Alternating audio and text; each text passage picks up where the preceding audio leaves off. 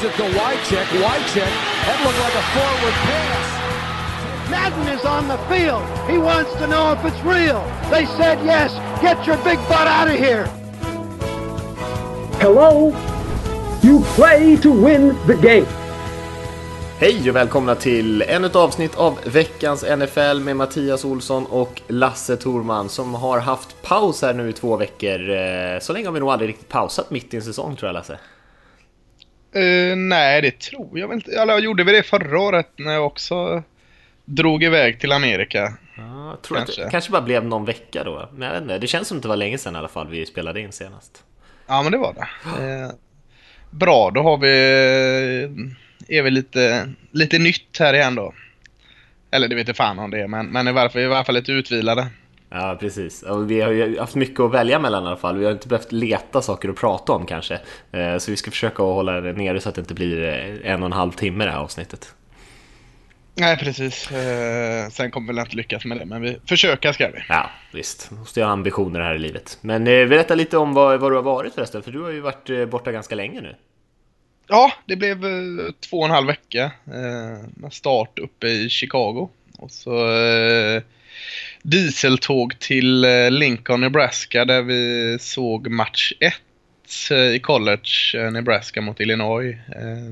riktigt kul. Grymt. 90 mm. 000 på läktarna, röda kläder, röda ballonger. Eh, sen drog vi ner Flyover States kallade de det och, och varenda jänkare vi träffade frågade vad fasken ska ni där göra? Varför åker ni inte dit och dit och dit? Och då blev man ännu mer taggad. Någonting måste det finnas där. Men det var, det var ju mycket eh, farmland och sånt. Men det var ganska fint ändå, vyer. Eh, så vi drog ner där över, eh, vad blev det sen? Kansas och Oklahoma. Ner till Texas där det blev två matcher på två dagar. Det var lite hektiskt. Först den här Red River Showdown mellan Oklahoma och Texas. Och så NFL-match då.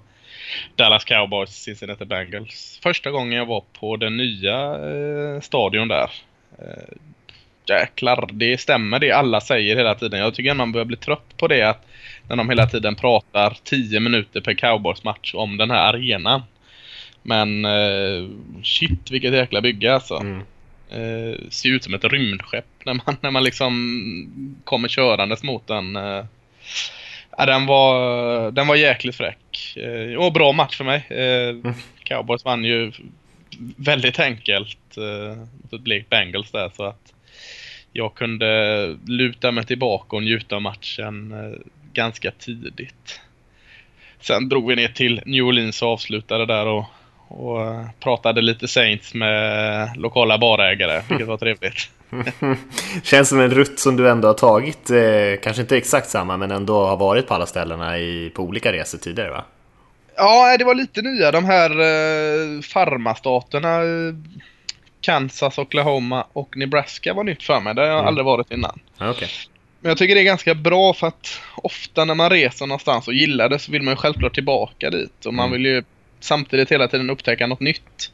Så jag tycker det är en ganska bra grej och dela lite 50-50 in och kör lite på tidigare saker som du gillar och så svänger du av på något nytt. Så i långsamt tempo så återbesöker du trevliga städer och orter men samtidigt något nytt. Så det, jag kommer nog fortsätta köra på det upplägget. Mm. Mm. Själv då, eh, London? Ja, det var ju bara en superkortis där egentligen för det blev ju eh, med resdagar och så som var det egentligen bara en dag där man liksom var i London, kunde gå runt, kolla in lite av de här NFL-evenemangen och typ shoppa lite och göra de vanliga turistgrejerna och sen så var det ju en dag som egentligen handlade bara om matchen för att eh, de ja, drog ju igång redan på morgonen där ute vid Wembley. Ja. Så, ja, men det, är kul att se, kul att vara där, det är galet mycket folk. Uh, och en del saker som ändå förändras tycker jag sen man var där senast. Att det känns ändå som att det, det blir mer och mer så Jaguars-fans där över ändå. För att de nu ändå har tagit på sig att åka dit eh, flera år i rad och kommer fortsätta med det här nu. Så eh, det var ju någonting man kanske inte trodde skulle hända, att folk verkligen börjar fastna för Jaguar. Sen att de har blivit lite roligare kanske eh, har hjälpt. Men, nej, men kul upplevelse, men verkligen en liten kortis jämfört med din långkörare där. Ja, men det är ju lite enklare att ta en kortis i London än att dra över till staten och köra en lång, en helg liksom. Det Definitivt. känns ganska onödigt. ja. New York ska i och för sig vara jäkligt smidigt nu va? Om man flyger typ Norwegian eller någonting bara rätt dit. Eh, så ska Ja, ju... så- så Men man är kommer kanske inte ner till- där. Ja, Sitter i det här jäkla flyget. Alltså, visst, de har de här jävla filmerna och det, men det är alltid de här romantiska komedierna. You Got Mail känns som den är varje gång. Det var ju så grymt eh, med American Airlines på vägen hem. eh, Live-tv. Såg eh, andra halvlek av, vad var det? Chargers mot Broncos. jaha. Det var riktigt fint faktiskt. Så det hoppas vi på mer. Jag ska börja flyga under matchtider så kan jag fördriva flygningar flygningen med det. Fan, om det funkar, det är ju egentligen konstigt. Man funderar ju ofta på det där när man åker tåg och flyg och sånt där. Att, man, att vi liksom fortfarande inte lyckas få ett ordentligt wifi att funka på ett bra sätt. Men eh, nu ska man kanske inte ge sig in på den diskussionen om man är totalt eh, tekniskt obegåvad som, som jag. Jag fattar ju liksom inte hur det funkar. Nej, men det känns som att det borde funka. Så om man kan ha live-tv, då borde man ju kunna ha internet på planet och grejer. Men, eh, Ja men det hade de också, men det Ja. tog de självklart betalt för. Men den här matchen var det bara att klicka in och, och kolla på. Så det var första eh, timmen av flighten var ju en dröm. Sen så eh, fick man sappa mellan de här jävla romantiska komedierna. ja. ja, ja, men då så. Du hade en, det var en bra resa i alla fall då. Ja, det var jättebra. Mm. Eh, kanon. Det är inte så svårt att ha roligt när man kryssar runt där med en bil. Nej, visst, så är det. Så är det. Eh, vi ska bena av lite nyheter innan vi går in och, och eh, kollar lite på hu- hur ställningen är i NFL just nu, vi, kan vi väl säga. Och sen ska vi gå in och kika lite på nästa vecka, ha lite av det här debattsegmentet som vi har haft också. Men eh, en grej, så bröderna Bennett där, som du är ett stort fan av, vet jag, har ju fått en egen show i USA som du hade sett när du var där, sa du. Kan du inte Ja, berätta lite det. om det? det absolut eh, blir mina eh, resekamrater jävligt sura för vi hade planerat att gå ut och käka och så såg jag att den kom på. Så fick, fick de snällt vänta och den var ju ganska lång. Jag trodde bara det var en sån här halvtimmes eh, grej. Men ja, det är ju de här två eh, bröderna. Den, den ena i Seahawks och den andra i, vad är han nu? Patriots ja. Ja, precis. Eh, det var inte så mycket att prata om, men det var, det var ganska rolig. Jag som ändå eh, eh, retar mig, i varje fall på den ena Tyrend Benneten där tyckte jag det var ganska underhållande. För de, de snackar ju så in i helsike om allting och, Mm. och inte rädda för att snacka skit om Jay Cutler och Jason Witten och eh, även Bennets mamma och pappa var med så att jag vet inte om den har, har det, ligger den på NFL Network eller något sådant än? Jag har inte sett Eh. den någonstans i alla fall. Nej. Nej, kolla om ni kan komma över den för eh, riktigt roligt och eh, inte bara det här artiga efter matchen-snacket som alla gör utan uh, kändes nästan som de inte bara var ärliga utan som de verkligen jobbade för att provocera olika, olika John Fox fick ju skit där i, uh, i Bears också tillsammans med Cutler så uh, uh, nej, den var kul. Den, den uh, kommer ni över den så är det absolut värt att se. Uh, fattade inte om det bara var en show eller om det skulle vara pågående. Uh, det, det fick jag aldrig se. Jag fick gå ut och äta till slut där men uh, det är värt att kolla in. Mm, mm. Eh, Tips där alltså. Serietips från Lasse. Yes. Eh, vi har ju lite eh, förändringar på quarterback-positionen runt om i de olika lagen. Eh, Colin Kaepernick fick ju chansen att starta här senast istället för Blaine Gabbert i 49ers. Ehm, gjorde väl varken bort sig eller imponerade kan man väl säga och kommer få fortsätta och få chansen här. Och även i Jets där Ryan Fitzpatrick haft en väldigt tuff start på, på säsongen. Han blev ju bänkad senast här. Gino Smith kom in. Ja, lite samma sak som Kaepernick där, eh, tog ju inte direkt matchen eller laget eller ligan med storm där i, under de minuterna, men han ska även få starta nästa match. Mm, jag tycker det är helt, alltså, jag säger inte så mycket om bytena av QB, men jag tycker det är helt rätt att inte bara flytta tillbaka efter en halv match eller en match. Alltså har man gjort det här valet att nu satsar vi på en annan QB, då tycker jag i alla fall man ska ha ett par matcher. Nu är ju Jets och, och 49ers, de är ju redan körda från slutspel. Det finns inte en chans i helvete att någon av dem tar sig till slutspel. Det, det kan ju både du och jag säga. Mm. Eh, varför ska man inte testa vad man redan har? Jag Visst. tycker det är helt rätt. Visst. Eh, Big Ben, eh, Ben Roethlisberger i Steelers eh, skadade sig ju senaste veckan här och han kommer också missa den här eh, i närmaste matchen. Kanske någon match till, det vet man inte riktigt just idag. Men eh, ett stort avbräck för Steelers såklart, även fast de har ju eh, lite marginal. Det är inget lag som riktigt dominerar där i, i eh, AFC North. Nej, jag hörde sju veckor någonstans alltså, men det, det var lite väl överdrivet. Men fyra, fem veckor var det också sagt, så det är ju mm. ett gäng matcher i varje fall. Eh, spännande. Nu är det Landry Jones som går in va, och tar startplatsen. Han har ju sett rätt skakig ut när han har spelat, ska man ja, säga. De har ju Zach Mattenberg där som ändå inte gjorde bort sig eh, i Titans när han fick chansen. Mm. Men ja. Han vann inte så mycket matcher heller å andra sidan. Nej, och, och Jones har ju varit där ett tag nu så han borde ju kunna systemet också. Så. Ja, vi får se. Mycket mm. press på uh, Bell. Eh, en annan nyhet är som eh, som vi har fått ganska mycket frågor om faktiskt. Jag gissar för att det är folk, eh, att det, folk blir lite äggade, äggar fantasin lite grann där. Men det är ju den här Raiders-frågan. De var ju ett av de lagen som ansökte om att flytta till Los Angeles eh, när Rams fick den chansen. Och eh, det är ju inte helt uteslutet för, för Oakland Raiders att de kanske potentiellt i framtiden kan flytta till Los Angeles, även de. Men just nu så har de ju varit och flörtat lite grann med Las Vegas, eh, som känns ja, lite passande ändå med syndernas stad och allt det där. Men, eh, och nu har man i, i Las Vegas faktiskt eh, godkänt finansiering av en ny arena. Guvernören och andra har varit där och, och eh, kritat på ett förslag som ja, innebär många miljarder i skattepengar till en ny arena för ett eventuellt Las Vegas Raiders då. Ett ganska stort steg på vägen i alla fall. Och sen så är det ju några steg kvar om, man, om det nu blir verklighet där innan, innan man är framme. Men ja, intressant i alla fall. Mm, jag, jag, ska inte eh, dra anekdoter hela podcasten från resan här, men jag, jag måste ju eh, kring detta. Vi var eh, åt chili i eh, Austin, Texas. Mm. Och, eh, jag hade en Cubs-tröja på mig av anledning. Jag är ingen större baseballfan. Och eh, en stor och högljudd kar skrek över mig till hans bord. Och, för han hade en Mets-keps på sig och skulle börja tjata. Och det var ju ägaren då till det här chilistället. Och han var Oakland Raiders-fan så in i helsike och, hade, och han var högljudd uh, och pratade vilt och brett som ganska många amerikaner gör. Mm. Men han sa det att flyttar uh, Raiders till Vegas då skulle han köpa fem säsongsbiljetter Eh, så han verkligen kunde bre ut sig på sin plats. Eventuellt, eh, eh, eventuellt skulle han även köpa en lägenhet i Vegas.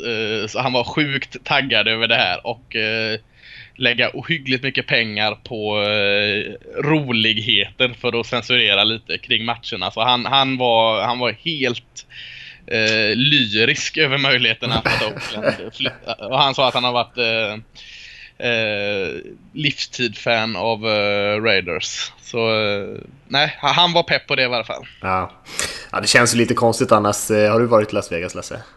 Ja, jag har varit där. Ja. Det är ju en väldigt speciell stad sådär. Det är ju verkligen som man kan tänka sig. Den kommer liksom från ingenstans. Känns som att någon har byggt upp en filmkuliss liksom någonstans eh, mitt i öknen. Och det är ju inte så att man känner att det är någon vidare stadskänsla. Som att det är människor på riktigt bor där. Så att eh, själva tanken på ett lag där känns ju rätt konstig. Men ska det vara något lag så känns det Raiders närmast till hands tycker jag i alla fall. Ja, nej, det växer väl ganska mycket i staden mm. även... Eh, det finns ju mycket jobb. Ja. Ja, precis. Så, äh, det var väl ingen av mina favoritstäder, men äh, ja, det känns väl som att Raiders skulle passa bra där. Ja. Mm. Ska vi ta och kika lite på eh, matcherna som spelades i helgen Lasse? Bara lite grann av resultaten därifrån utan att så här dyka in för mycket i det. Mm, absolut. Om det var någonting som förvånade dig eller som stod ut eller något sånt där? Ja, det var det väl. Började den matchen att Chargers lyckades vinna mot eh, Denver var, mm. var väl lite överraskande tycker jag. Jag har inte sett så mycket Chargers i år så att jag hade ganska dålig koll på dem men eh, Ja, det är ju kul att den där jäkla divisionen alltid... Det verkar finnas liv i den i alla fall, även om något lag går upp som etta så... Eh, det stack väl ut lite men annars, vad var det? Jag, jag, såg, jag såg ganska, jag valde ganska dåliga matcher att titta på. Jag kollade eh, Philadelphia mot Washington där. Eh, var egentligen inte så mycket att rapportera hem om. Jag tycker eh, Philadelphia gör en, en ganska blek insats och, och, Washington gör inte så mycket bättre dem. Så, så det var, ja, mitt Dallas då, att de slog Green Bay borta så enkelt. Det var väl väldigt överraskande tycker jag. Eh, nu har ju Aaron Rodgers inte spelat så vidare bra den sista tiden men att han var så blek det, det trodde jag faktiskt inte. Eh, och det beror inte bara på att eh, Dallas defensiv överpresterar för att så bra är de inte ändå. Så, så det var väldigt överraskande. Jag tyckte, heller, tyckte inte heller den matchen var så vidare välspelad. Men, men väldigt överraskad att Dallas vann så enkelt till slut mot eh, Packers. Mm. Jag håller med dig. Aaron Rodgers har haft en ganska lång period nu där han faktiskt inte har presterat eh, på någon superhög nivå, i alla fall inte statistiskt. Sen kan man ju diskutera vad, vad anledningarna till det är. Men eh, man har ju problem där och man har haft en ganska lång stund med liksom hur de spelarna man har till sitt förfogande i sitt anfall passar kanske med den typen av filosofi som Mike McCarthy har för det här laget och Aaron Rodgers, eh, en av de sämre insatserna jag har sett av honom på länge, för det här handlar ju inte om att han var pressad av en pass rush och liksom inte hade möjligheter, utan han missade ju öppna receivers och andra sådana grejer som man väldigt sällan ser från honom. Eh, mm. Ja, jag håller med dig om den här första matchen som du nämnde, att Chargers vann där över Broncos, torsdagsmatchen. Att det var lite förvånande och de vann ju dessutom fullt rättvist. De var ju klart ja. bättre. De var klart, ett klart bättre lag än Denver Broncos i den matchen. Det var ingen slump på något sätt. Eh, och det var ju förvånande att se tycker jag. Att de, eh, alltså en sak om de hade vunnit matchen bara, men på sättet de gjorde det var ju väldigt eh, imponerande. Absolut. Det var kanske inte något överraskande resultat att Houston till slut vann mot Indianapolis Colts, men jädrans vad Lamar Miller vann den matchen själv. Jag, mm. det, det, var länge sedan jag såg någon enstaka spelare som inte är QB dominera så mycket som Lamar Miller gjorde. Houston var inte bra, Colts var inte bra. Återigen såg jag en, en dålig match men eh, det var imponerande att se hur, hur, Lamar Miller tog det på sina egna axlar och bara löste det till slut liksom. Mm. Eh, det, var, det var fräckt. Ja, och eh, Colts borde ju kanske ha vunnit den matchen egentligen. Eh, ja, det tycker jag. De var minst dåliga i alla fall. Ja, de hade ju kontroll över matchen ganska länge. Eh, mm. Och sen så lyckas man på något sätt slarva bort den. Det är ju... Eh, det finns ju ett par tränare som börjar sitta lite risigt till och, och Chuck Pagano i, i Colts eh, bör ju definitivt vara en av dem som, som, är, som ligger risigt till för att få sparken i år. Absolut.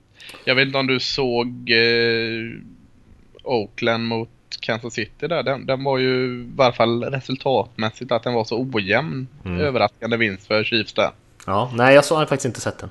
Nej, jag har bara sett lite klipp där och, och kändes kanske lite som att Oaklands försvar föll tillbaka till gamla dåliga ovanor som de hade i början av säsongen. Det såg lite väl enkelt ut för i varje fall i springspelet Spencer Ware där eh, tyckte jag kryssade igenom ganska enkelt. Eh, trodde Oakland skulle kanske explodera upp där nu eh, efter en lite risig start. Låg man ändå 4-1. Eh, men nej, nej, den, eh, den divisionen eh, är svårtippad. Verkligen. Och det är ju lite jojo-lag där, alltså om man pratar om Chargers och Broncos-matchen där, där Broncos har spelat riktigt bra ett par matcher, ganska dåligt i andra. Chargers är ju verkligen upp och ner som, ja det, går, det finns kanske inte något mer upp och ner-lag i hela ligan. Och sen Oakland som ja, verkar helt inkapabla att spela försvarsspel, vilket är eh, förvånande med tanke på att man har rätt mycket bra spelare där ändå. Men eh, det är kanske en fråga om bredd där. Mm. Eh, vi kanske ska nöja oss där med, med tillbakablicken, Lasse. Jag bara eh, nämna en, en när ah? lyfta fram JJI ja. i eh, Dolphins. Eh, 204 yards på Steelers eh, på 25 försök. Eh, grymt. Ja, visst. Också en liten överraskande att de vann 30-15 mot Pittsburgh. Där. Ja, extremt imponerande. Mm. Uh, Ajayi har inte, har inte lämnat så mycket avtryck än så länge. Han, både du och jag hade ju honom som en, eh, som en av de spelarna vi tyckte om när han kom ut i ja. draften där. Men han har väl blandat och gett lite grann och kanske inte alltid fått chansen. Och, eh, men nu hade han ju en, eh, en riktigt bra uppvisning här som kanske gör att han får lite mer speltid och kanske har han liksom hittat eh, och börjat vänja sig lite grann vid tempot i proffsligan och kan bygga på det här lite grann. Vi får väl se. Mm. Eh, Ska vi snacka lite grann Lasse om de olika konferenserna, hur det ser ut där egentligen? Bara en liten så här kort sammanfattning om eh, hur, hur det står till och vilka som liksom ligger bra till för en slutspelsplats och sådär. Och det, är, det är ju fortfarande bara ett eh, obesegrat lag kvar och det är ju Minnesota Vikings i NFC. Och så är på andra eh, sidan så är det bara ett lag utan vinst. Just det. Just det. Cleveland Browns. Ja. Det var ju typiskt att just Browns skulle vara det laget. Ja, oväntat. ja. det är inte lätt. Annars är det ju faktiskt ganska ont om topplag tycker jag. Eh, Vikings ser ju extremt bra ut, men eh, de har ju också saker såklart som inte kanske är perfekta i sin trupp. Eh, Patriots har ju sett väldigt bra ut i, i AFC, men inte särskilt många kompletta lag. Sen är det kanske Dallas som har imponerat mest egentligen tycker jag.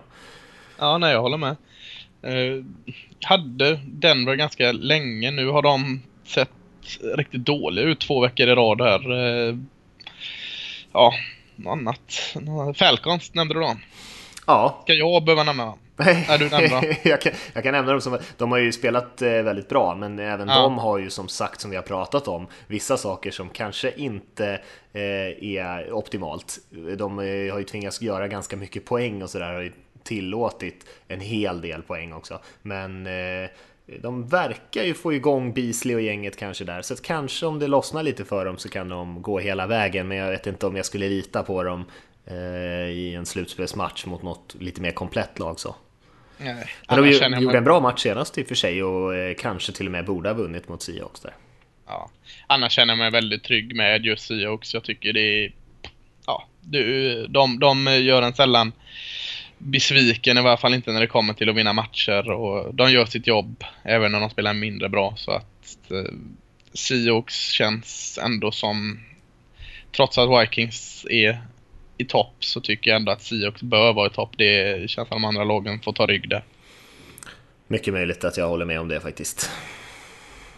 Eh, I övrigt då Lasse, ska vi, ska vi hoppa in på den här debattgrejen som vi brukar köra? Ja, det tycker jag. Vad, vad ska vi debattera idag då? Vi ska debattera, de, debattera eh, huruvida cowboys borde trada Tony Romo nu när Dak Prescott har varit en sån jäkla sensation för Dallas Cowboys. Ja, just det. Eh, då kör vi det här med grader igen. Eh, torsdagsmatchen eh, spelas i Green Bay. Eh, Packers mot Bears. När är det den matchen? 2.25 AM, våran tid här. Ja, kvällsmatch. Jag vill ha Fahrenheit. Gissar, gissar du över får du vara för att de ska trada Tony Romo. Gissar du under får du vara emot att de ska trada Tony Romo. Okej. Okay. Mm. 2.25 lokal tid alltså? Eh, eh nej, 2.25 vår, vår tid. tid. Jaha, så jag ja. måste räkna bak där då. Vad kan det bli i lokal tid? Ja, det är kvällsmatch, Kväll. hela torsdagsmatch. I Green Bay. Ja, det måste ju bli, börja närma sig kyligt i alla fall kan man ju tycka. Jag, jag gissar på eh, 6 graders... Just jag ska gissa i Fahrenheit. Fahrenheit, just det, kan inte konvertera det. Oj, oj, oj, oj, oj, vänta nu. Hur var det man gjorde det där nu då? Um... Ja, nu blev jag helt lost här. du, du, kan få gissa så kan jag... Eh, jag tänkte jag... säga runt 6 grader Celsius. Ja men då, då kör vi det här så ska jag ta fram min och räkna ut det. Det borde bli typ eh, 40 grader Fahrenheit eller något sånt där. Ja, då är det under. 55 grader ska det bli. Oj, sant, Ganska sant. trevligt väder. Ja, verkligen. Så, vad var det? Var du emot, då var du emot va? Att de skulle trada? Ja, precis. Just ja, just det. det. Mm. Men, men eh, då, då får du börja och säga varför de inte ska göra det. Ja, för att det finns inte så mycket att vinna på det helt enkelt tycker jag. Alltså, jag menar, eh, Cowboys befinner sig i en position där man har en väldigt, väldigt bra quarterback i Tony Romo som bara sitter och väntar och hans problem tidigare har ofta varit skadorna just att han inte kunnat prestera på sin maxnivå. Men, men spelar han på sin maxnivå så är han just bättre än vad Dak Prescott är nu. Och vi har ju sett ändå, Dak Prescott har spelat väldigt, väldigt bra. Han har varit extremt imponerande ska man säga, men eh, när han blir stressad, när han får press på sig så, så har det varit svettigare. Eh, jag tror att om man går, låter Romo ta över det här nu eh, så, eh, så har man liksom allt att vinna på det, för då kan man låta honom spela färdigt den här säsongen och sen är det väl dags för honom att lägga ner eller det händer någonting som gör att han kanske måste lägga ner om hans rygg fortsätter strula så kan man ha en naturlig övergång till Dak Prescott. Om man satsar allt på Dak Prescott nu eh, och kanske byter bort Roma eller hur man nu gör med tanke på alla konsekvenser med löner och grejer eh, så kan man liksom inte, då har man inget annat alternativ. Så jag tror att om man kör Roma då man, kan man fortfarande gå tillbaka till Dak men man kan liksom inte göra tvärtom. Så lite så jag ser det. Jag tycker att Roma är en bättre spelare just nu. Mm, ja, jag, jag hör det, jag hör det. Jag, jag håller inte med dock. Jag, jag tycker eh, just nu funkar ju allt för cowboys och eh, det känns bara som Dak Prescott är naturlig med allt han gör. Eh, och se vad, vad man har där. Man har, man har landets bästa offensiva linje. Jag behöver inte säga en av dem. Utan man har landets bästa offensiva linje som fortfarande är ganska ung. Man har en ung running back som gör succé. Eh, slänger, trader, och man har då alltså nu en ung QB som gör rätt efter rätt efter rätt. Eh, tradar du bort Romo så eh, skit i vad du får tillbaka. Du kanske får något pick i andra eller tredje rundan, vad vet jag. Men du blir av med nästan 20 000, eh, i, eller, 20 000, 20 miljoner i, i lön som du kan investera i eh, för nästa år i försvaret som där du har ganska många hål eh, att fylla.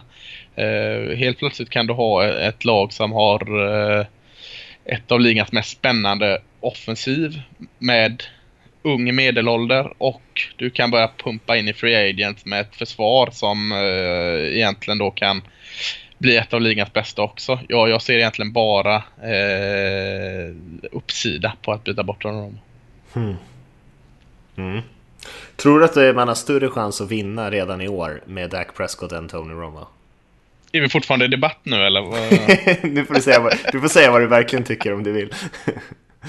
jag vet inte, jag tycker det är jättesvårt. Jag älskar ju Tony Romo. Jag, eh, jag försvarar honom även när jag inte bör försvara honom. Mm. Så, så jag, det sliter ju mig här men jag, jag står ju bakom den logiken jag använder när jag debatterar för att de ska trada bort honom. Eh, jag tror ju helt klart att de har större chans att vinna med Tony Romo i Dallas Cowboys i år. Sen vågar jag inte säga om de har större chans att vinna med Tony Romo som startande quarterback i Dallas Cowboys. Mm. Sug på det politiska svaret. Precis. Men jag vet inte, du har ju en poäng där, för pengarna kommer man inte kunna göra någonting med i år ändå. Eh, inte någonting vettigt i alla fall. Så att då handlar det egentligen bara om att få bort liksom distraktionen och, och förbereda sig för nästa år. Men jag menar, då kan man ju inte gå tillbaka till Rome och om Prescott får det riktigt jobbigt helt plötsligt Nej, i slutet precis. på säsongen. Eller om, till, om Prescott skadar sig så har man ingen backup. Alltså jag tycker det är väldigt lite att vinna av att trada bort dem. Särskilt när man sitter i en sån här situation där man faktiskt ser ut som ett av ligans bästa lag och kanske till och med har chansen att vinna en Super Bowl. Eh, då riskerar man ju det lite grann för att liksom få draftval till nästa säsong. Eh, och det känns inte som att... Eh, om man håller på så tror jag, då, eh, då kommer man nog kanske aldrig någonsin få den chansen att gå hela vägen om man inte... Om man hela tiden ska ta genvägar. Hade det inte varit eh, eh tragikomiskt eller, eller ödets ironi om man ska säga det om Tony Romo äntligen får sin Super Bowl-ring och så får han den som backup. Hade inte det varit jävligt sjukt? Jo, alltså det kommer ju inte bli så lätt att hålla honom, alltså och, och sätta honom såklart, om han är frisk och ändå ha kvar honom i truppen. Men förhoppningsvis kan, kan, han ta det, Romo. Jag vet inte riktigt. Eh, jag vet inte hur stort ego han har. Nej, precis, men ja, det, det hade varit en rolig situation så jag hoppas nästan på det. Ja. Cowboys vinner Super Bowl. Tony Romo får sin ring. Han kan säga att jag har vunnit en Super Bowl. Ja, fast du spelar ju inte. Nej. Nej det, det hade varit jävligt, jävligt konstigt. Ja, generellt är jag för att man eh, byter bort gamla gubbarna och ger kidsen en chans, men eh, eh, det beror på lite på gubben också. Jag tycker så här, har man en sån här bra gubbe i truppen så, mm. så kan de ju vara en jäkla tillgång. Annars är det lite ja. saksamma liksom i, i skicklighetsnivå, då, då, då är det kanske man ska satsa på den unga killen. Men mitt i säsongen också. Nej, det känns risky tycker jag. Ja, ja det gör det. Eh, Ska vi kika lite framåt Lasse? Ska vi kika lite på eh, vad som kommer här i, i eh, kommande helg? Vilka matcher som ser lite extra intressanta ut eh, och snacka lite om dem. Det tycker jag absolut. Jag, jag tycker det är bra. Det var svårt att bara hålla oss till fyra matcher som vi ändå vill göra så det inte blir två timmars podcast där. Utan, men, men Minnesota i Philadelphia mot Philadelphia Eagles. Det tycker mm. jag är en, uh, en, spännande match på pappret. Mm. Uh, nu har visserligen Philadelphia börjat uh, tappa en hel del men, men två tajta förluster här och ah, jag, jag vet inte, alltså Philadelphia, det känns inte riktigt som att de spelar efter sina förutsättningar. Eh, försvaret ska ju vara det som bär Philadelphia till seger och just nu känns det väl kanske lite som att de inte gör det ändå utan det är offensiven som får överprestera hela tiden och Eh, ah, jag är lite, lite skeptisk till men jag är ändå nyfiken också och, och eh, framförallt är jag nyfiken att se hur länge Minnesota Vikings försvar kan vinna matcherna så mycket som de ändå gör. Mm. För jag är inte så där jätteimponerad av offensiven ändå. Mm. Nej, men det, är, det är ju som du är inne på, det är ju egentligen två stycken defensiva lag det här med, med kanske lite frågetecken anfallsmässigt. Eh, även fast Wentz har sett bra ut så är han ju ung fortfarande och, och Bradford har ju också spelat bra men eh, Bradford är ju Bradford på något sätt. Han har ju spelat rätt många säsonger i NFL utan att, att dominera. Eh, så de tillåter inte så jättemycket poäng något av de här lagen även fast det har Eh, knakat lite kanske på, på Philadelphia-sidan på senaste tiden. Det är ju lite intressant att det är just Bradford också som traders bort från Philadelphia som eh, nu ska tillbaka till Philadelphia och möta sitt gamla lag där som inte, som inte ville ha kvar honom eh, och möta den eh, kuben. Man brukar inte alla gillar ju inte när man jämför att det säger att det är en QB mot QB här när kuben egentligen kanske möter försvaret men att han möter den unga killen som ändå på något sätt tar över eller tog jobbet från honom eh, kan man säga där i Philadelphia. Den stora grejen tycker jag i senaste matchen, det var ju... Eh, många roliga. Ja, fortsätt. Aha, jag tänkte på stora grejen som jag såg i senaste matchen här eh, mot, eh, mot Washington. Det var ju att man saknade ju Lane Johnson, deras right tackle, något enormt där som är, är avstängd för prestationshöjande. Och man har ju satt in Vaitai där, rookien som, har, som hade det extremt tufft i senaste matchen. Kanske inte hans första match, det, det är väl kanske inte behöver vara exakt så illa hela hans eh, karriär är, men det var ju en jättetydlig skillnad som, som stoppade dem rejält i anfallet. Ja, nej, jag håller med. Eh, ska, ska bli spännande att se just eh, Carson Wentz mot det här superförsvaret som det ändå är. Eh, mm. han har gjort det bra hittills. Sist såg han väl lite mer mänsklig ut men, men det är ju ingen som kan komma och säga att Carson Wentz inte har överraskat positivt även att han valdes som nummer två i, i draften. Eh, men nu kan han gå ut, kan han gå ut och vinna matchen säger jag. Kan han och Philadelphia Eagles offensiv gå ut och vinna matchen här mot Vikings då, eh, då måste man ju redan nu nästan sätta ett stort utropstecken bakom Carson Wentz. Mm, ja, det är mycket svårt att se det hända. Alltså med tanke på hur bra de är i försvaret där i, i eh, Minnesota. Men eh, han, han gör ju fortfarande rätt, rätt mycket otroliga grejer, Carson Wentz, varje match tycker jag. Man ser hans eh, extrem pocket presses, han kliver upp, eh, kliver undan pressen och kastar den liksom på Eh, trots att vikten liksom är på helt fel ben och så här sätter ett välplacerat kast och gör några sådär fantastiska spel. Men sen ska man ju vara ärlig och säga också att det finns inte så jäkla mycket vapen i det här Eagles-anfallet eh, på, eh, bland hans passmottagare. Och det skapar ju såklart problem. Eh, men två försvar som har några fantastiska spelare. Och det kommer nog bli en riktig köttig fight där som kom, kan vara grymt underhållande tror jag. Mm. Jag ska hålla ett lite extra öga också på running back situationen i Vikings för snart måste någon steppa upp där mm. för det ser ju inte bra ut. Alltså, McKinnon har fått eh, vara någon form av starter hittills men vad han sprungit för? Han har inte ens sprungit för 200 yard sen och mm. eh, Asiara har, har väl såg lite okej okay ut sist men alltså någon av dem måste ta den här chansen snart och eh, när Adrian Peterson är borta. Så ska se om någon gör det nu. Ja, och Asiara har ju verkligen varit den där äh, typ två yards per carry och sen är nere vid mållinjen och, och fångar passningar. Han har ju varit väldigt stabil i fantasy där jag spelar honom som reserv några gånger för man vet att han får en en yards touchdown någon gång under matchen. Men liksom mm. mycket annat gör han inte. Eh, så att jag tror att det är McKinnon som måste ta det om det, om det ska bli något av det där. Ja. Men å andra sidan så kommer inte Adrian Peterson särskilt långt heller bakom den här offensiva linjen så eh, kanske mycket begärt. Ja, det, det, är en annan grej när vi går vidare från matchen här.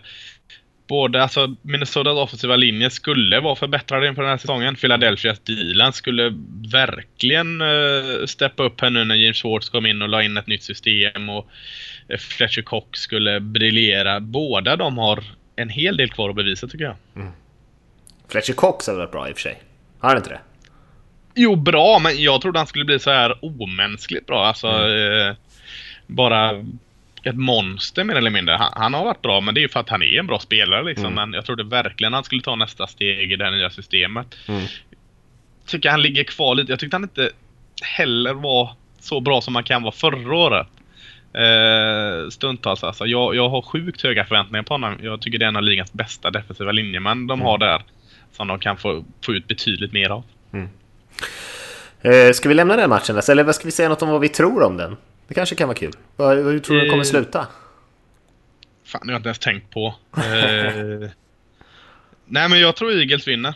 Eh, Vikings kan inte hålla på att vinna matcher med bara ett försvar. Eh, får ursäkta vissa spelare i Vikings offensiv, men det är försvaret som vinner match efter match där. Eh, Eagles har mer potential. Om, om de ändrar lite sin gameplanning som jag tror de kommer göra så, så tror jag ändå de kan vinna den här matchen. Mm. Eh, jag tror, jag tror att Vikings tar det ändå, eh, men jag tror att det blir väldigt jämnt. Eh, lite grisigt, säkert någon defensiv touchdown eller något sånt där som avgör, för jag tror att de båda kommer ha lite problem att flytta bollen här. Kanske något special mm. team-spel eller någonting på den där nivån liksom som, jag tror inte det blir många offensiva touchdowns. Nej, nej det, det köper jag. Mm. Eh, ska vi hoppa vidare till någon annan match då? Hmm. Vi har ju Patriots Steelers, har ju tappat lite stjärnglans där utan Big Ben, men eh, kanske fortfarande finns något intressant i den. Ja, det tycker jag absolut. Alltså, förutom den här irriterande plumpen i protokollet mot eh, New York Jets så har ju Patriots sett precis så där fantastiskt stabila och dominanta ut som de, som de alltid är. Mm. Eh, Brady kom tillbaka och eh, var som han aldrig hade missat en träning. Alltså, kanonbra direkt. Eh, är dessutom bra i springspelet med eh, Lagarde Blunt. Eh, visst, eh, Pittsburgh föll senast mot Miami och man har tappat Ben Roethlisberger men, men det finns så mycket, finns så mycket styrka i det laget så att kanske de kan knyta näven här nu och, och trycka till eh, Patriots. Absolut i alla fall att det blir match av det. Mm. För det här är ju två av eh, AFCs bästa lag som möts. Så, det, så det, det måste bli match tycker jag. Ja, nej men man kan ju hoppas på det i alla fall. Jag tror att Patriots eh, kommer vinna den här matchen i slutändan. Men för, för Steelers skull så handlar det väl lite om att bevisa lite grann för sig själva också. Att man har kvalitet i truppen utan Big Ben. Och det är liksom inte bara det man, man kan luta sig på. Utan vill man vara ett, liksom, eh, ett lag som kommer utmana hela vägen in i slutspel och sådär. Då, då, måste man ändå kunna sätta upp någon typ av fight här på hemmaplan. Eh, sen är det svårt att stoppa Patriots anfall nu med med Gronken tillbaka och Bennett har ju bara passat in där som eh, ja, hur bra som helst. De har den här två tight end eh, formationen som de hade tidigare med Hernandez och, och, gänget och de är ju extremt flexibla och svåra att försvara mot. Men eh, Steelers där med, med Bell och man kan försöka få igång lite springspel om försvaret kan verkligen kan steppa upp här och känna att pressen ligger på dem nu och sakta ner Patriots lite grann så kanske det kan bli en rolig match i alla fall. Men jag, tror, jag, jag håller ändå Patriots som ganska tydliga favoriter där. Ja, det gör jag med. Men eh, det, nu är det, måste ju Levian Bell här ta, eh, ta det här på sig. Alltså han och vad heter han, Williams. Eh, mm. det, kom, det kommer ju springa, springa, springas. Eh, visst kommer att få bomba ut lite bollar på Antonio Brown och, och, andra men, men det är ju springspelet man ska, ska göra. Det är offensiven för Pittsburgh och de kommer verkligen få chansen här. Lite spännande också. Alltså, du var inne på det här med Bennett, Gronkowski, Edelman. Eh, alla de här korta passen som, som Brady kommer bomba ut på dem och, och de får skapa ytor. Hur kommer Pittsburghs, Pittsburghs försvar här möta dem? Jag, jag eh, ja, jag är lite nyfiken på hur de, hur de gameplanar en sån här match Steelers. Det hade varit roligt att vara en, en vad säger man, fluga på väggen eller vad säger man? I, i eh, försvarsmötena för Pittsburgh. Här, för att de spelar ju på ett väldigt uh, speciellt sätt nu när Patriots just med uh, sina slot receivers som vi kallar Tyrenden det också.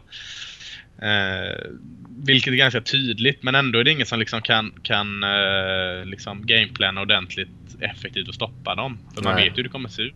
Uh, så det ska bli spännande att se. Ja, det är ju extremt intressant. Eh, sätt Sett och skrev lite grann om eh, offensiva spelsystem här till den här fotbollsskolan-grejen. Artiklarna som vi brukar ha på sajten. Och, och eh, då går, vi, går, jag in lite grann på vad, hur, hur Patriots anfall fungerar på vissa sätt. Och det är ju extremt som, som du säger där, det är ju väldigt flexibelt, flexibelt system i överhuvudtaget och sen så har man också alla de här olika flexibla spelarna med running back som kan komma ut och fånga passningar och ställa upp i slott eller så hamnar en tight end där eller så hamnar det liksom en receiver där. Det, det, man mixar runt spelare på alla möjliga ställen tills man Eh, tills man får ett överläge någonstans och då är ju Tom Brady helt hänsynslös när han ser det och eh, det är extremt svårt att försvara sig mot. Eh, jag skulle också vilja höra lite grann hur man resonerar när man ska försvara det här anfallet för det är inte lätt och när Dion Lewis eh, så småningom kanske kommer tillbaka för Patriots då, ja, då är det nästan schackmatt höll jag på att säga. Det, är ju, eh, det blir tufft. Mm. Mm. Vad har vi mer? Vi har uh Seattle åker och spelar mot Arizona Cardinal där i, i öknen höll jag på att säga, men i mm. värmen i, i Phoenix. Mm. Eh, tycker jag är en ganska spännande match, just den divisionsmatchen. Arizonas skakiga start. Nu har man ändå två raka vinster. Eh, ska jag inte säga att det här är en måste-match för Arizona Cardinals, för det är det ju inte eftersom man har tagit upp sig till 3-3 nu, men, men eh, i, i, i, rundboll eller om man kallar det så pratar man om sådana sexpoängsmatcher. Mm. Ska, ska man i varje fall ha en vettig chans att vinna divisionen och inte skapa sig för lång uppförsbacke så tycker jag att uh, det här är en match som de som är jäkligt viktig för dem att vinna. Framförallt för att stoppa, stoppa Siox segertåg. Och bara egentligen göra det till en, två matchers skillnad. Uh, uh, Karlsson Palmer såg bättre ut efter hans vila där efter hjärnskakningen. Han fick vila upp sig lite. Tyckte han såg bättre ut mot Jets. Eh, och kan han fortsätta utvecklas eh, alltså inte utvecklas, han är ju gammal gubbe här nu, men fortsätta utveckla sin form bättre och bättre i kombination med, med eh, Cardinals effektiva springspel så blir det en intressant offensiv. Försvaret är ju, är ju guld liksom. Cardinals har bra försvar. Då, då, eh, då har jag svårt att sätta en tydlig favorit i den här matchen i alla fall. Eh, tycker jag. Mm. Nej, det är som du säger en bra chans för Cardinals att ta sig tillbaka lite grann i den här divisionen. Eh, man, om man vill vara med och konkurrera, man ligger redan lite efter så, så är det ju inte något superbra recept kanske att torska Eh, de här matcherna mot Seahawks, båda i alla fall. Och eh, sen när man väl ska spela i Seattle är ju svårare att ta den här när man i alla fall är på hemmaplan. Eh, och de har ju fått till en del av de grejerna de inte var så bra på förra säsongen. Man har ju lyckats få till en, en vettig pass rush och sådär men eh, kanske inte hållit fast vid de sakerna man var bra på. Eh, de här långa bombande passningarna och de här grejerna har inte suttit riktigt. Eh, David Johnson är däremot en otrolig spelare. Eh, Siok såg lite skakig ut i ren sin kommunikation där i passförsvaret förra matchen. Sprang bort sig vid två långa passspel för Falcons som satte dem i en lite farlig situation som gjorde att de höll på att torska den matchen. Men annars har de ju spelat jättebra i år och varit lika bra som vilket annat år som helst. Ja. Eh, jag såg den matchen, visserligen som ihopklippt kondens där mot Atlanta och mm. tyckte, det här vet du bättre än jag antagligen, men jag tyckte deras försvar såg annorlunda ut än vad det brukar göra. Jag tyckte de blitzade förvånansvärt mycket mm. för att vara syd. Alltså väldigt tydliga blitz. Så ofta har jag inte sett dem blitza innan. Eh, jag vet inte, märkte du det du som ändå ser dem vecka ut och vecka in? Ja, det är en trend tycker jag egentligen. De har börjat blitza mer eh, generellt de senaste, senaste matcherna och, och, tiden. Men eh, nu saknar man ju också Frank Clark här som brukar komma in som pass rusher och, och Michael Bennett skadade sig under matchen så man blev ju av med lite pass rushers. Eh, och sen mm. så också eh, så var ju Cam Chancellor borta på strong safety, vilket gjorde att Just. det bidrog ju till den här dåliga kommunikationen kanske i passförsvaret. Eh, eh som gjorde att det blev lite förvirring. Men visst, du har, det är en, en en observation där som du har helt rätt i. Visst har de börjat blitza mycket mer. På tal om känslor, jäklar vad Earl Thomas var bra. Eh, mm. Alltså, inte, den är visst gjorde en interception, det, det, det, gör man ibland, men han, alltså, hans, den förmågan att alltid vara i rätt position eh, kontra vad bollen är. Det känns som han är två steg från bollbäraren var bollen än går ut. Eh, jag måste hitta någon film liksom där man, vad heter det, sån här Earl Thomas cam där man studerar en hel jäkla match för att eh, jag fattar inte hur man kan vara så rätt på det så ofta. Nu tyckte jag visserligen att han spelade extremt bra. Så här bra har jag nog inte sett han på eh, väldigt länge och då släppte ändå Sios till ganska mycket poäng. Mm. Men eh, jäklar vad han steppade upp i känslig frånvaro. Ja, och han, han, har varit bra hela året. Eh, mm. Thomas, men eh, ja, jag håller med dig. Det är lite hans speed också som gör att det känns som att han, även fast han börjar en bit ifrån, så tar han sig dit jäkligt fort. Han täcker ju mycket mark på kort tid. Eh, men visst är han eh, en väldigt bra spelare. Även fast han hade lite dipp förra säsongen faktiskt, så han har sett bättre ut i år. Ska vi hoppa vidare där, eller ska vi, hade du någon prediction där på hur matchen slutar? Eh, jag säger att Seahawks vinner den då. Mm. Det gör jag också, jag får väl inte säga något annat. Eh, jag tror de gör det också. Cardinals har ju sett lite, lite skakiga ut. Ja. Eh, ska vi ta någon sista match? Vi snackade lite grann om Falcons Chargers. Är den, tycker du att vi ska hålla oss till den Lasse, eller någon annan som ser lite göttigare ut tycker du? Nej men vi, vi, håller oss till, vi håller oss till vad vi har sagt. Det väl mm. enklast så. Mm. Eh, ja, eh, det är ju ingen chock att eh, Falcons har överraskat väldigt på mig. Mm. Jag fnös ju åt dem eh, ordentligt här. Du var ju med, trodde ju mer på dem och verkar vara mer rätt på det än jag här. Försvaret ger jag fortfarande inte så mycket för. Jag tycker fortfarande det är eh, snällt sagt mediokert. Eh. Men däremot offensiven.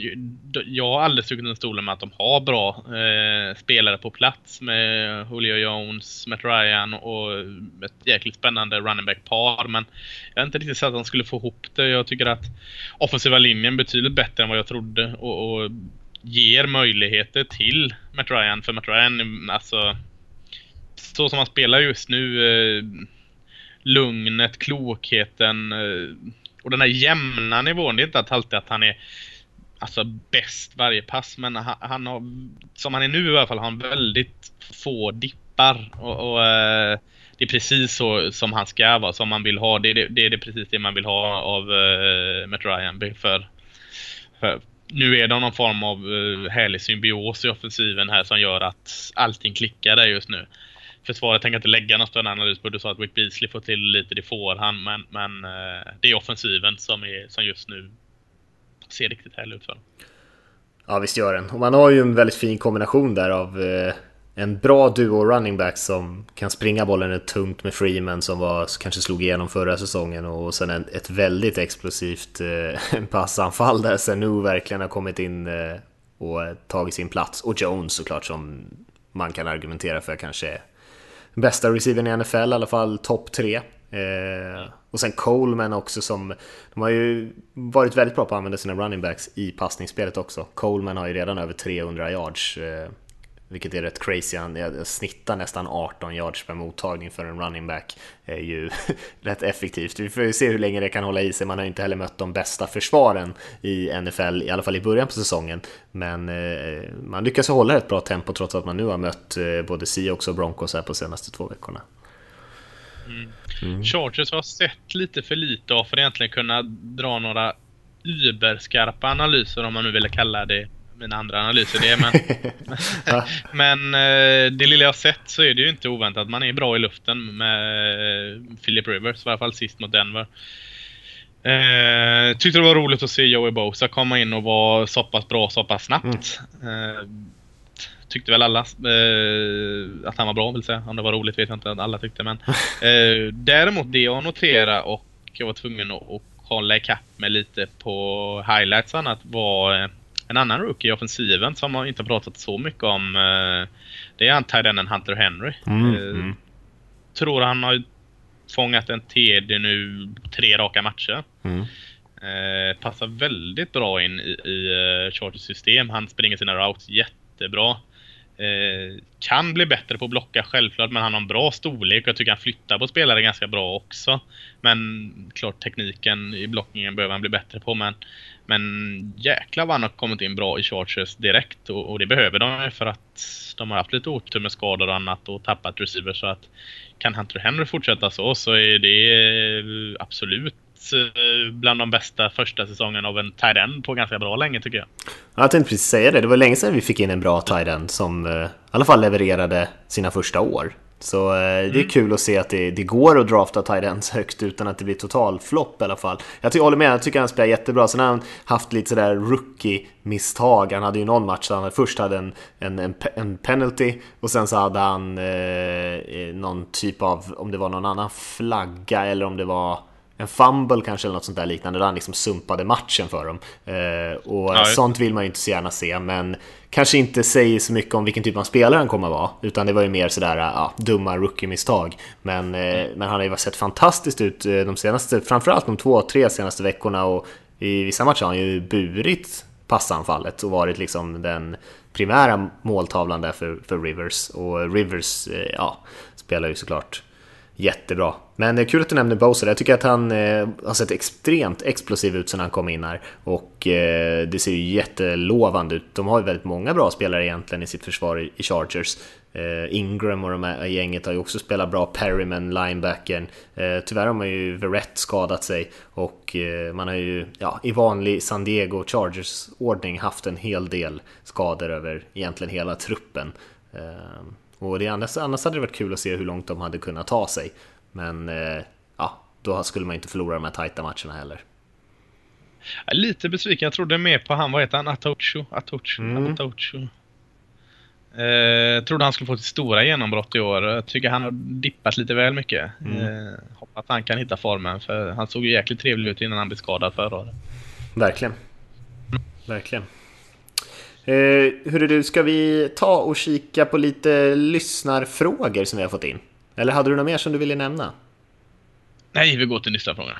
Ja, och då nu är det ju några frågor här som har kommit in eh, när du har varit bortrest Lasse och när vi har haft lite pauser i podden. Så eh, vi försöker eh, beta igenom så många som möjligt av de som vi har fått in här under tiden. Och är det så att ni liksom känner att ah, jag skickade en fråga för två veckor sedan, den kom liksom inte med. Så antingen så kan ni testa att skicka in den igen om vi har slarvat bort den. Eller Eh, ja, formulera någon ny fråga. Men om ni vill skicka en fråga så är det i alla fall podcast at nflsupporter.se så ni kan mejla in en fråga. Det går själv såklart bra att ställa frågor på Twitter och Facebook och sådär också. Men om man mejlar in dem så, så har vi dem liksom i, i mejlkorgen där så att vi inte missar dem. Eh, och vi ska kanske börja med en fråga från Simon här som skriver Hej, tack för en mycket bra podcast. Har två frågor. För några år sedan hypades svenske Kevin Dillman väldigt mycket i svenska tidningar som en framtida QB i NFL. Hur har det gått för honom? Och så har han en till fråga här. Hur funkar det när en spelare blir kattad? Får spelarens resterande lön som är kvar, får spelaren resterande lön som är kvar på kontraktet? Frågetecken. Räknas spelaren mot lönetaket? Frågetecken, skriver Simon. Ja, jag, jag kan svara om Dillman här så kan du svara om eh, kattade spelare. Ja, okej. Okay. eh, ja, jag tror vi har dratt den historien Kevin Dillman innan eh, att eh, han var jätteduktig QB i en, på en skol, high school i, i Kalifornien flyttade sen till en high school i Texas där det blev något strul med pappersarbetet vilket gjorde att han inte fick spela i eh, det heter inte så, men säger A-laget i high school utan han fick spela i B-laget på grund av teknikaliteter. Var ju eh, rekryterad av Nebraska som är en, en väldigt stark collegeskola som de drog sig ur sen. Eh, eh, men fick ett erbjudande från North Texas också i högsta divisionen. Men inte som QB utan som Tyrend. Eh, vilket han inte är nu heller. Nu är han defensive end. Så han hoppar runt väldigt från QB till terren till nu defensive end. Han har inte fått spela. Eh, jag vet inte om han har spelat något än. Han var rödskjortad. Det var svensk översättning. Redshirted. Alltså att han var... Han använde inte sitt första år som var förra året. Så han, man sparar ett år av hans eh, tillgänglighet till i år. Så i år är egentligen hans första år där han ska få spela. Jag har inte sett att han har fått spela någonting än. Men eh, han har många år kvar på sig i North Texas att få spela. Men det kan vara värt att hålla koll på att han, han numera huserar på den defensiva linjen som end. Mm. Eh, så, så, QB kommer vi nog inte få se så mycket mer av Kevin Dillman på. Utan eh, han, han är försvarsspelare nu. I alla fall inte i USA. Det är väl möjligt att han kommer hem och kanske spelar lite kul ja, i Sverige. Ja, absolut. Ja, i USA självklart. Ja. Vi kan ju nämna det, det har vi inte haft med tror jag. Det kanske vi skulle haft som en nyhet där, men eh, Jordan Genmark Heath finns det ju en svensk kille som heter som har varit väldigt hypad ute på västkusten i USA. eh, som faktiskt eh, lyfts upp som en av de, en av de bästa high school-spelarna i, i Kalifornien på, vissa, mm. på sin position. Och han har ju i alla fall committat, som det heter, preliminärt accepterat ett stipendium till, till Cal, University of California. Vad är det det ligger någonstans Lasse? Ligger i eh, San Francisco eller Berkeley. Ja, Berkeley, just det. Just det. Berkeley. Ja, just Berkeley. Berkeley. Eh. Matt Barkley. mm. eh, precis, så det är ju kul. Eh, och sen eh, så är det mycket som kan hända innan, eh, innan man kommer dit. Men en kille att hålla koll på i alla fall har ju varit väldigt hypad. Mm. Också, lite, också lite som Dillman, den här athlete-grejen. Man, man är inte riktigt säker på vilken position man kommer att spela och sådär utan eh, har spelat flera olika positioner. Mm. Nej, det är mm. Eh, kontrakt där, det är, eh, det är lite olika om man säger så, bara för att krångla till det. För det är ju som vi pratar om där med garanterade pengar. Det är ju bara de här garanterade delen av ens kontrakt som, eh, som man har absolut rätt till om man inte är kvar med laget. Så att det beror på hur kontraktet är skrivet. Eh, och eh, också det beror ju det på då hur det räknas mot lönetaket om, om man släpper spelaren. Och sen så beror det också på vad som händer med spelaren. Om spelaren går till ett annat lag till exempel som plockar upp den här spelaren och betalar honom lön så får hans tidigare lag också dra av det som han får då från det nya laget. Eh, så det är lite olika, men eh, man behöver inte betala ut det fulla kontraktsvärdet om man, om man kickar en spelare. Eh, och det är därför det är väldigt viktigt det här med garanterade pengar, en del av kontraktet som alltså är garanterade för skador och om man släpps och sådana här saker som vi ofta brukar prata om och alltid nämna när det kommer ett nytt kontrakt.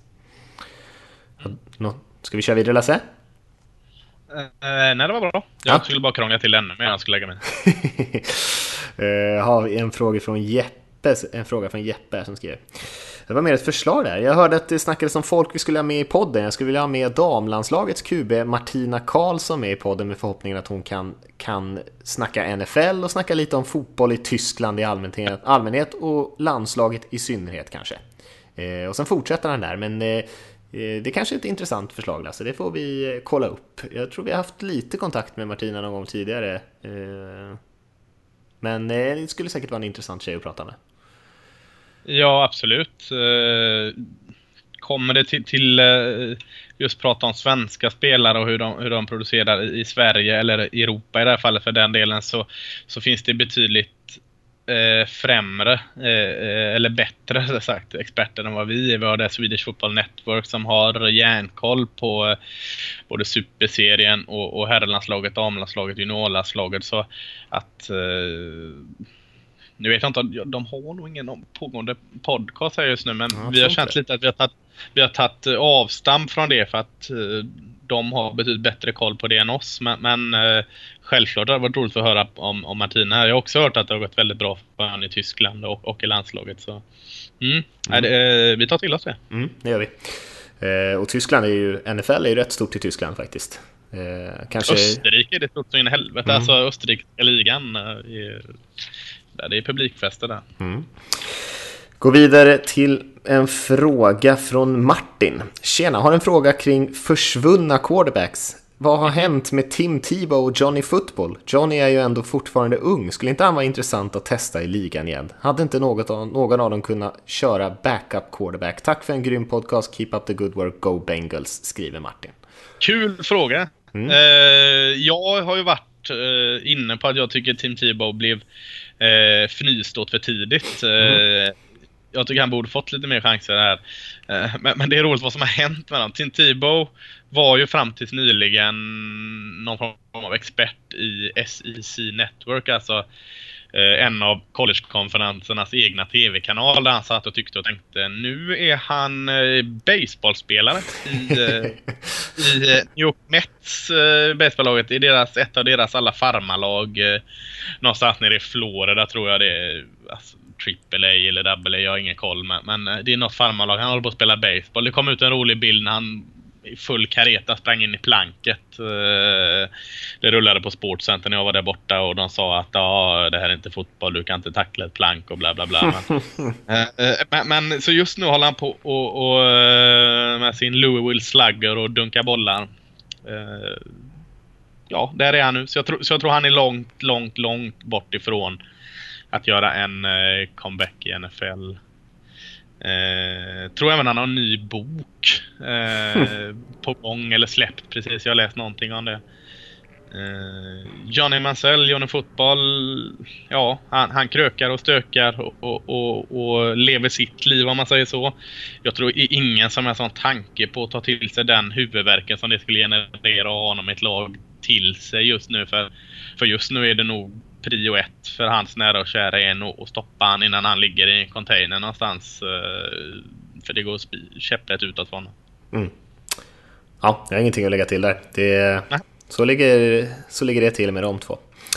Eh, här har vi en fråga med ett intressant ämne tycker jag från Peter. Varför är quarterbacks så otränade i ämnet? Och så skriver han Hej, tack för en bra podd. En fråga om quarterbacks. Varför är de så tunna slash svaga jämfört med övriga spelare? Borde de inte tjäna på att lägga på sig, säg 10 kilo muskler? Det blir väl starkare, kasta längre, tål fler smällar, snabbare, kan springa mer och snabbare. I relation till en normal person är naturligtvis QBs både stora och starka. Men vad är den stora nackdelen med att de blir större, starkare och tyngre? skriver Peter. Jävla klena kub. Eh, en direkt nackdel att bli ett jävla muskelberg är väl att man är väldigt... Eh, man begränsar sin eh, rörlighet, att man blir inte så mobil. Eh, sen är det ju väldigt olika. Alltså, jämför Mike Glennon då och Cam Newton så, så är det ganska stor skillnad på muskelmassa på de två herrarna.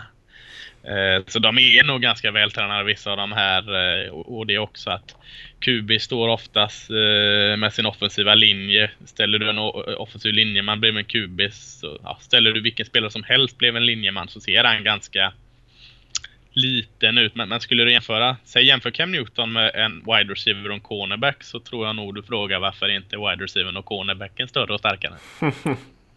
ja, Cam Newton är ju eh, kanske lite av ett freak men, eh, men mm. generellt så är ju Kubis kanske inte några direkta muskelberg. Eh, Russell Wilson är väl också rätt eh, bitig i och för sig, men det är inte så många som är så. Men Tom Brady har ju släppt en bok där han pratar om träning och kost och såna här grejer. Och, eh, han har ju en väldigt speciell typ av approach till sin träning. Han bygger ju inte mus muskelmassa, utan han jobbar ju med andra delar för att liksom Eh, få till någon typ av skadeprevention som han tycker funkar. Att, eh, eh, att quarterbacks helt enkelt inte ska träna som de andra för att det är inte det som gör att man kan spela i 15 år och sådär. Och sen så antar jag att det handlar en hel del om tid också. Alltså jag menar, det är rätt krävande att vara quarterback eh, och någonstans måste man ju prioritera sin tid om man nu också ska få vila och grejer. Eh, och dessutom kanske ha ett liv, inte för jag vet inte hur mycket liv de har, quarterbacks i NFL, men med något typ av liv. Så eh, man kan inte lägga kanske riktigt lika mycket tid i gymmet som, som många av de andra om det handlar om att sitta i möten med coacher och kolla film och sådär eh, åtta timmar om dagen liksom. Så eh, kanske liten kombination där. Jag vet inte vad du tänker där Lasse? Jo, men visst låter det vettigt. Eh, och som Tom Brady är väl ett vandrande bevis på att hans metod funkar. Han är ju ytterst sällan skadad och går ju ganska bra för honom.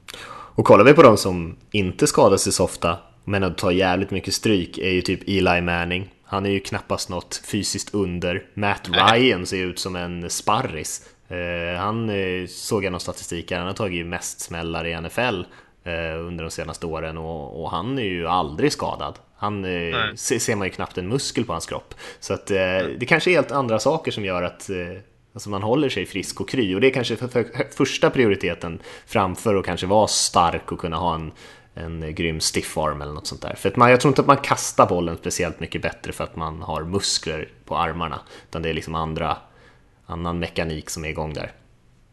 Mm. Nej, är bra, bra som är. Vi går vidare, eh, men intressant fråga faktiskt, för det är säkert många som har funderat på. Det är ju väldigt skillnad på spelare eh, mellan olika positioner. Eh, Filip har skickat en fråga som han skriver. Tjena gubbs, tänkte höra om hur det funkar med det iPads spelarna tittar på på bänken och blädderblocken med bilder som de tittar på. Är det så att det är livebilder de får se eller är det bilder från träning eller tidigare matcher som har spelat mot det lag man möter? Eller är det någon snubbe som printar ut miljarder med bilder under en match? Och är det något, några specifika, specifika regler om vad som får finnas på dessa bilder och iPads? Gör det ni gör och fortsätt med det grymma jobb ni gör. Go Pack Go, Filip. Först ska vi lägga till då att det är Surface, det är ju Microsoft som har, eh, har sponsoravtalet va? Har du också sponsoravtal med Microsoft eller? Uh, nej, jag har Microsoft men jag har fått betala surt uh, förvärvade pengar för det. Uh, nej, det är ganska intressant också. En intressant fråga också. Uh, det är ju, de använder de här surfplattorna då ska jag säga för att agera som Sver Sveriges Radio. det är alltså en stor mängd stillbilder allt som oftast, eller det är det fortfarande tror jag, som, som eh, om vi utgår från en QB då som mest jobbar med de här, eh, säg att han går ut och gör en drive, eh, går ut, får han Säg att han får x antal bilder före snaps, x antal bilder eh, precis snappen är gjord, x antal bilder efter snap och, och, så kan han, kan han se vad som behöver slipas på eh, och vad han står fel, korrigeras. Han får en herrans massa bilder eh, som man kan gå igenom och se hur han står.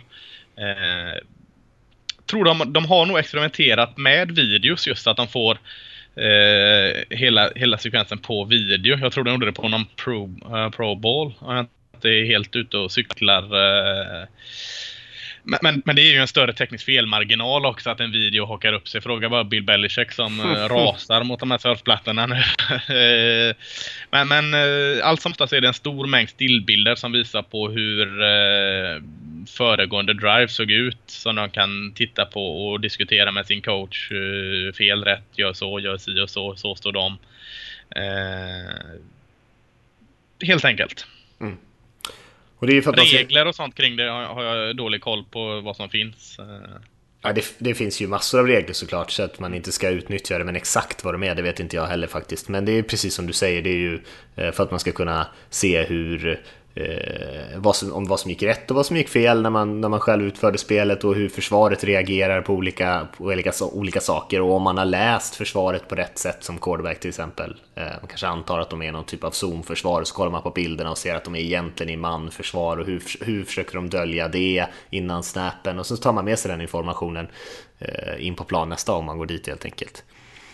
Mm. Och det är ju betydligt snabbare eller bättre med en sån här surfplatta än att ha en jävla printer som står och spottar ut bilder. Det kommer en printergubbe springande här som de sitter och bläddrar. Så var det ju, var det ju så var det förut. Innan, innan uh, tekniken uh, utvecklades. Uh, och det var ju bara några... gammal fax och, och, och, och jobbade så in i helvete där på, på kanten. Så kom en gubbe med med papper och så fick man sitta och bläddra. Men, men känns ju som en surfplatta kan hantera betydligt mer data och eh, betydligt enklare när den funkar. Ja, ja visst.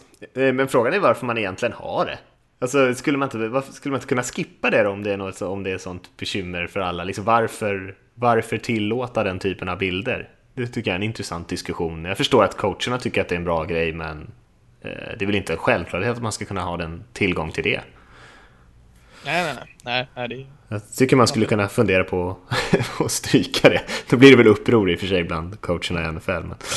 Eh, bra fråga, vi går vidare. Eh, mm. Martin har en fråga. Han skriver Hej grabbar, tack för en jättebra podcast. Jag saknade er förra veckan. Fint sagt. Min fråga gäller predictions nu när nästan en tredjedel av säsongen är avklarad. En del lag har ju överraskat så här långt, till exempel eh, negativt så räknar han upp Panthers här och positivt Falcons. Eh, och du efterfrågan en kommentar från dig Lasse, men du har du redan kommenterat. ja. det tog inte så lång tid. Vilka fyra lag tror ni kommer att spela Conference Finals i år? Alltså de, eh, eh, ja, vinnare, vem som kommer spela matchen och, och eh, för att utse vinnaren av AFC respektive NFC. Ja, det är ju inte Falcons i alla fall, det kan jag säga. ja. Ja, tråkigt för alltså. Det, det hade varit roligt att säga eh, Jets här, men det, det hade inte varit seriöst. Men ja, jag tror AFC så har du New England Patriots där. Det är tråkigt som fanken. Och annars kan jag tänka mig att ändå Pittsburgh och Denver ligger bra till. Eh, det är väl... Och i NFC är min favorit just nu Seahawks. Eh, jag tror ändå att eh, Green Bay kan, kan på något sätt eh, vända på på sin negativa trend just nu och, och då har vi Green Bay eller, eller den andra vinnaren i den versionen, Vikings då kanske, som jag ser nu i en final. Eh, men jättedark horse, Dallas Cowboys. Jag, jag, mm, jag har inte riktigt, litar inte riktigt på allt det här nya att det går så bra hela säsongen. Men Tråkiga svar, men, men det, det, är ju så. Har du någon annan, någon roligare? Uh, nej, jag håller, jag håller med om uh Seahawks Cowboys skulle jag nog säga ändå i NFC om jag nu inte ska fuska som du gjorde där och räkna upp halva konferensen i, i conference-finalen. Jag la ju ett lag till jag tyckte du nämnde Vikings och... Ja, Vikings, Packers, Seahawks. Det är tre. Ja, och Cowboys stod ju som en dark horse. Ja, jävlar, det är det. och sen så är det nog Patriots och... Nej, jag tror väl ändå på Steelers som du är inne på. Det, är, det var inte så mycket roligare där. Men jag, om man snackar överraskningar så tycker jag nog ändå att eh, Vikings är en överraskning. Jag hade ändå tippat att de skulle vinna 9-10 matcher eller någonstans, men jag hade nog inte tippat att de skulle spela så här bra med, med Sam Bradford. Eh, så det får jag ändå se som en positiv överraskning. Och så eh, Panthers är ju den uppenbara eh, besvikelsen också, för att jag tycker att om man kollar på deras trupp så, så borde de ligga mycket bättre till än vad de gör. Men det har verkligen kostat det här med att man bytte ut hela sitt secondary i sitt passförsvar. Mm. Du något att lägga till Lasse? Nej, ingenting. Nej, då kör vi vidare. Då börjar jag, antog att du skulle lägga till något, så jag var inte riktigt beredd här med, nej, med nästa nej, fråga. Nej, eh, vi tar en eh, sista fråga här från eh. Anton då, innan vi ja. rundar av. Tjena grabbar, det var tomt utan er förra veckan, så det är skönt att ni är tillbaka. Jag har en fråga vad gäller en detalj kring traden i NFL. När en spelare med ett aktivt kontrakt blir tradad till ett nytt lag, måste då han och hans agent förhandla om sitt kontrakt med det nya laget? Eller är lön, längd och bonus etc. samma som det kontrakten han hade innan traden? Jag vet att det har sagts förut, men tack återigen för en grym podd och en strålande tidning och hemsida. Ni är fantastiska, skriver Anton. Du är fantastisk Anton, säger vi då. Ja, absolut. Som mm. orkar stå ut med tidning, hemsida och, och ja, visst. Ja. Ja. Eh, kontraktfrågor och eh, sånt, det, det skötte du så bra sist Mattias, så jag lämnar en varm hand över det till dig också. Ja, jag är faktiskt ingen så här superexpert på kontrakt och sånt, eh, ska jag eh, ärligt säga. Eh, men vanligt är ju att man tar med sig sitt kontrakt. Mm. Men i, i det fall där det är väldigt Eh, tufft skrivet kontrakt eller som är väldigt eh, dyrt så, eh, så har man ofta det som ett krav att man ska förhandla om det. Så eh, vi tackar för den sista frågan där. Och så, eh, så säger vi igen då om man vill skicka in en fråga så är det podcast nflsupporter.se. Eh, har du något som vi ska runda av med Lasse eller ska vi bara säga så?